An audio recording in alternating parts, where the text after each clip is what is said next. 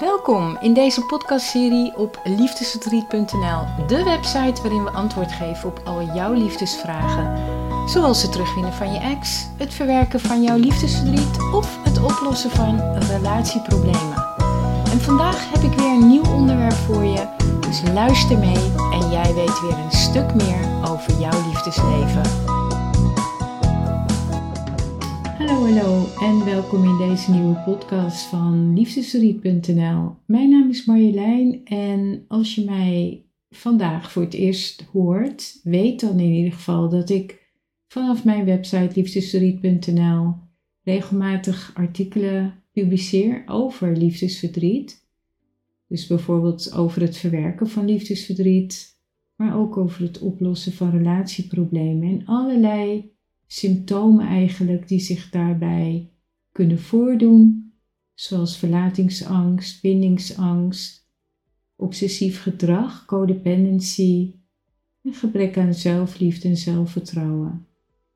En ja, misschien heb je het al gemerkt, maar ik heb in de afgelopen paar weken ben ik gestart eigenlijk met het maken weer van nieuwe video's op YouTube. En ja, dat had natuurlijk wel als gevolg dat ik uh, wat minder podcast gepubliceerd heb. Maar in ieder geval, ik ben er weer met de nieuwe podcast. En vandaag wil ik het gaan hebben over het onderwerp waarom sommige mensen vast blijven zitten in toxische relaties. Als uh, relatiecoach en gecertificeerd hypnotherapeut werk ik heel veel met individuen en koppels en behandel ik alle soorten problemen die ik net noemde. Alle problemen die te maken hebben met liefdesverdriet of het terugwinnen van je relatie, terugwinnen van je ex. En daarbij pas ik dan zeer effectieve technieken en methoden toe. En ik sta er iedere keer weer van versteld eigenlijk dat de technieken en methoden die ik heb geleerd zo'n geweldig resultaat hebben op ja, de verandering die mensen doormaken.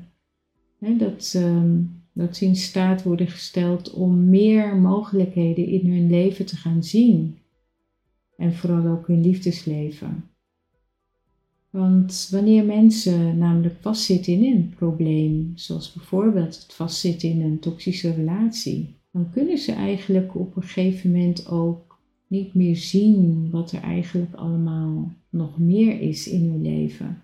hun waarneming wordt gewoon nauwer de waarneming van de wereld om hun heen. En je kunt het misschien ook vergelijken met wanneer je door een koker kijkt. Je ziet dan niet wat er links en rechts eigenlijk in je gezichtsveld allemaal nog meer aanwezig is. Dat is dan ook in het kort gezegd wat ik ervaar wanneer ik mensen spreek in sessies. Het is erg interessant voor mij om te zien hoe mensen veranderen wanneer ik met ze aan de slag ga. Zoals laatst had ik een mevrouw die, uh, die mij vertelde dat ze al anderhalf jaar lang in een depressie zat. Omdat ze door haar ex aan de kant was gezet. En die ex had inmiddels alweer een ander. Nou goed, ze vertelde me dus dat, dat ze haar ex ooit had ontmoet op een manege. En uh, dat ze samen ook een paard hadden gekocht. Maar nu haar relatie over was, vertelde ze me dat ze iedere keer weer die pijn voelde bij de ontmoeting met haar ex. En ehm, nou, toen ze bij me kwam, had ze inmiddels eigenlijk al verschillende gesprekken gehad met een psycholoog. En had ze ook nog andere therapieën geprobeerd om er bovenop te komen. Maar ze zei, ja, ik heb nog nooit hypnotherapie gedaan.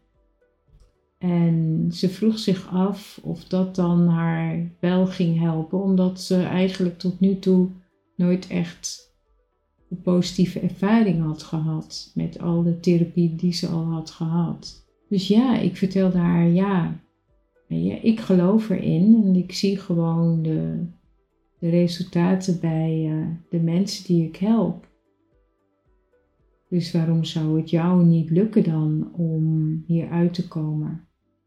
nou ja, goed, ze besloot dus bij mij te komen. En uh, toen ik zo met haar in gesprek raakte, werd er eigenlijk al duidelijk dat ze, voordat ze haar ex leerde kennen, al behoorlijk heftige, je kunt wel zeggen, traumatische ervaringen had gehad als kind. Waardoor ze nu ook ja, had gebroken met haar ouders en zelfs haar zoon.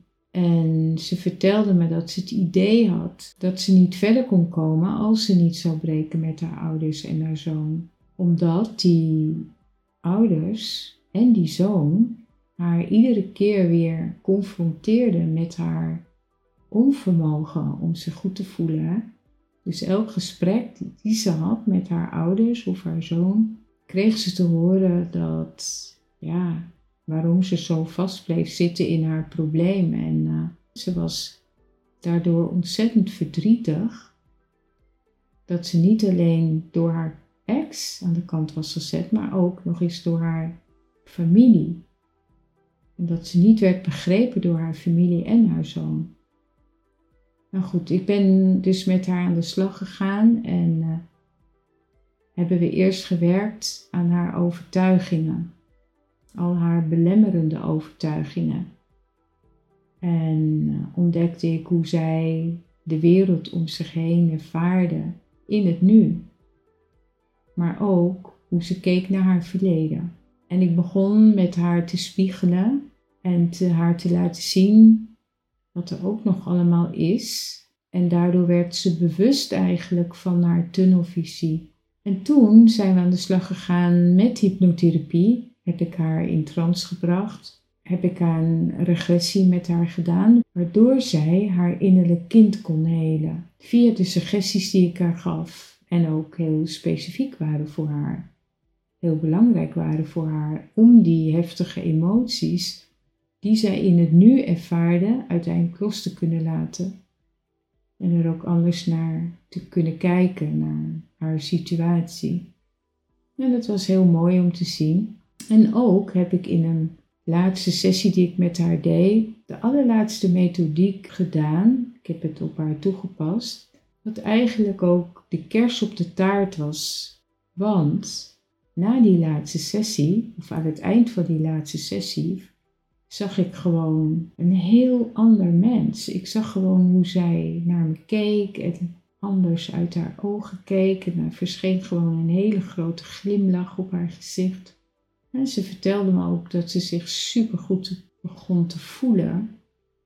En ik zag het ook echt aan haar, aan haar hele gezichtsuitdrukking. Nou goed, ik heb haar getest en gevraagd. En, en wat voel je dan in die situatie en, en die situatie? En ik haalde allerlei soorten situaties naar voren die zij al eerder had genoemd. Maar nee, ze kon die hele, dat hele gevoel, die hele emotie kon ze niet meer naar boven halen. En dat was gewoon zo wonderbaarlijk voor haar ook. Ze was zo verrast en ja, zo enthousiast over het gevoel wat ze ervaarde op dat moment.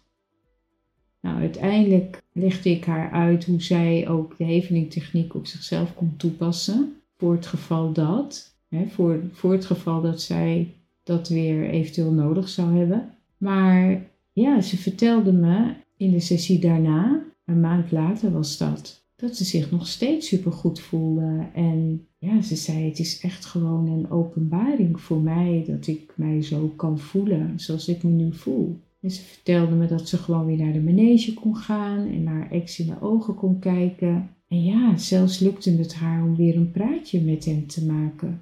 En wat ik ook heel mooi vond om te zien was uh, dat ze zich nu ook realiseerde dat het beter was om niet meer met haar examen te komen. Omdat ze door dat nieuwe gevoel ook had leren inzien dat hij een negatieve invloed had op haar. Maar dat komt natuurlijk ook omdat zij had gewerkt aan haar zelfrespect, haar eigenwaarde, liefde voor zichzelf. Ze begon daardoor ook in te zien dat ook hij met heel veel onverwerkte, onopgeloste trauma's zat. En nou ja, bovendien had hij haar ook meerdere keren bedrogen. En de schuldgevoelens die ze al die tijd, al die, ja, al die jaren zeg maar, naar zichzelf had gevoeld, die verband hadden met dat vreemdgaan van haar ex, had ze inmiddels ook kunnen loslaten. En ook de woede die ze voelde jegens haar ex. Het lukte haar nu dus om met compassie te kijken naar haar ex. Dus dat was echt gewoon super mooi om te zien.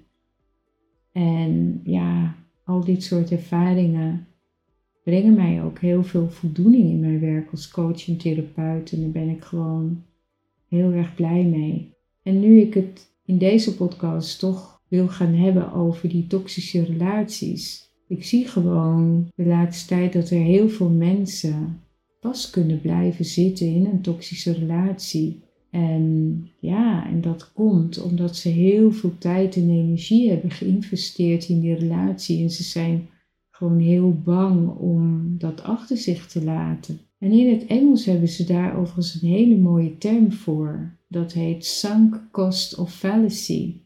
En daar hebben we eigenlijk in het Nederlands niet echt een goede term voor. Maar in het bedrijfsleven wordt deze term gebruikt wanneer een bedrijf de neiging heeft om te blijven investeren in projecten die eigenlijk al gedoemd zijn om te falen. Hm? Terwijl het eigenlijk al duidelijk is dat het project uitzichtloos is en dat het dus eigenlijk ja, gaat om een investering in een bodemloze put, zeg maar. Dus waar het op neerkomt is eigenlijk dat mensen de neiging hebben om bij het nemen van een beslissing de investering die in het verleden is gedaan heel zwaar mee te laten wegen. En als die investering aanzienlijk was, wordt het ook in de praktijk een stuk lastiger om vervolgens te zeggen: Oké, stop hiermee. En je kunt dit fenomeen ook terugzien in je persoonlijke leven. Denk bijvoorbeeld aan de kleding die je hebt gekocht en die je toch nooit aantrekt of misschien al jarenlang in je kast hangt. Waarom?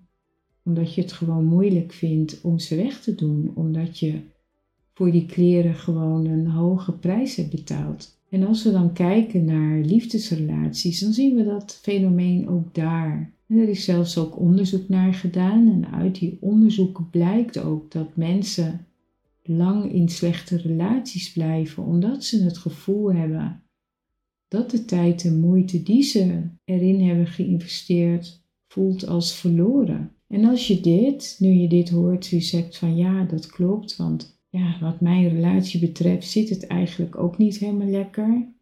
En wat ik ook doe, het wordt er eigenlijk niet beter op. Dan heb ik een paar vragen voor je die je jezelf zou kunnen stellen. En dan hoop ik ook dat die vragen jou gaan helpen om een weloverwogen besluit te kunnen nemen. Wat inhoudt ofwel blijven investeren in de relatie of niet. En dan een geheel nieuw pad te volgen. En een geheel nieuw pad zou kunnen betekenen dus dat je met nieuwe uitdagingen zal worden geconfronteerd en dat je zult moeten loslaten. En ja, dat je misschien ook weer allerlei nieuwe dingen toelaat in je leven. En dus eigenlijk komt het erop neer dat je je afvraagt: wat win ik eigenlijk door te blijven in deze relatie?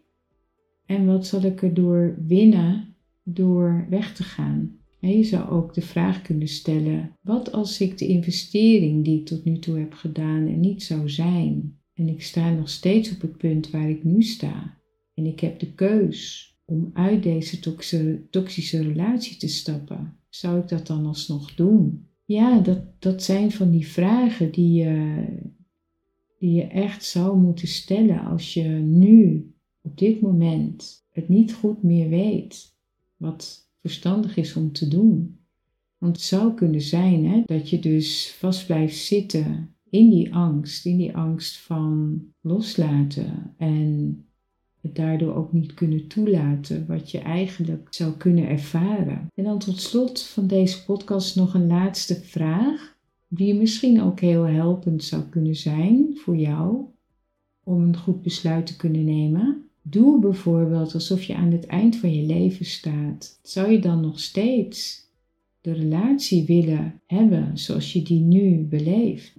En nu we aangekomen zijn aan het eind van deze podcast, kan ik alleen maar hopen natuurlijk dat de vragen die ik jou heb gesteld, zo aan het eind van deze podcast, jou in ieder geval gaan helpen om ja, een beter, beter besluit te kunnen nemen. En mocht je daar hulp bij nodig hebben, weet dan dat ik er voor je ben. En ik wil je met alle liefde begeleiden op jouw pad.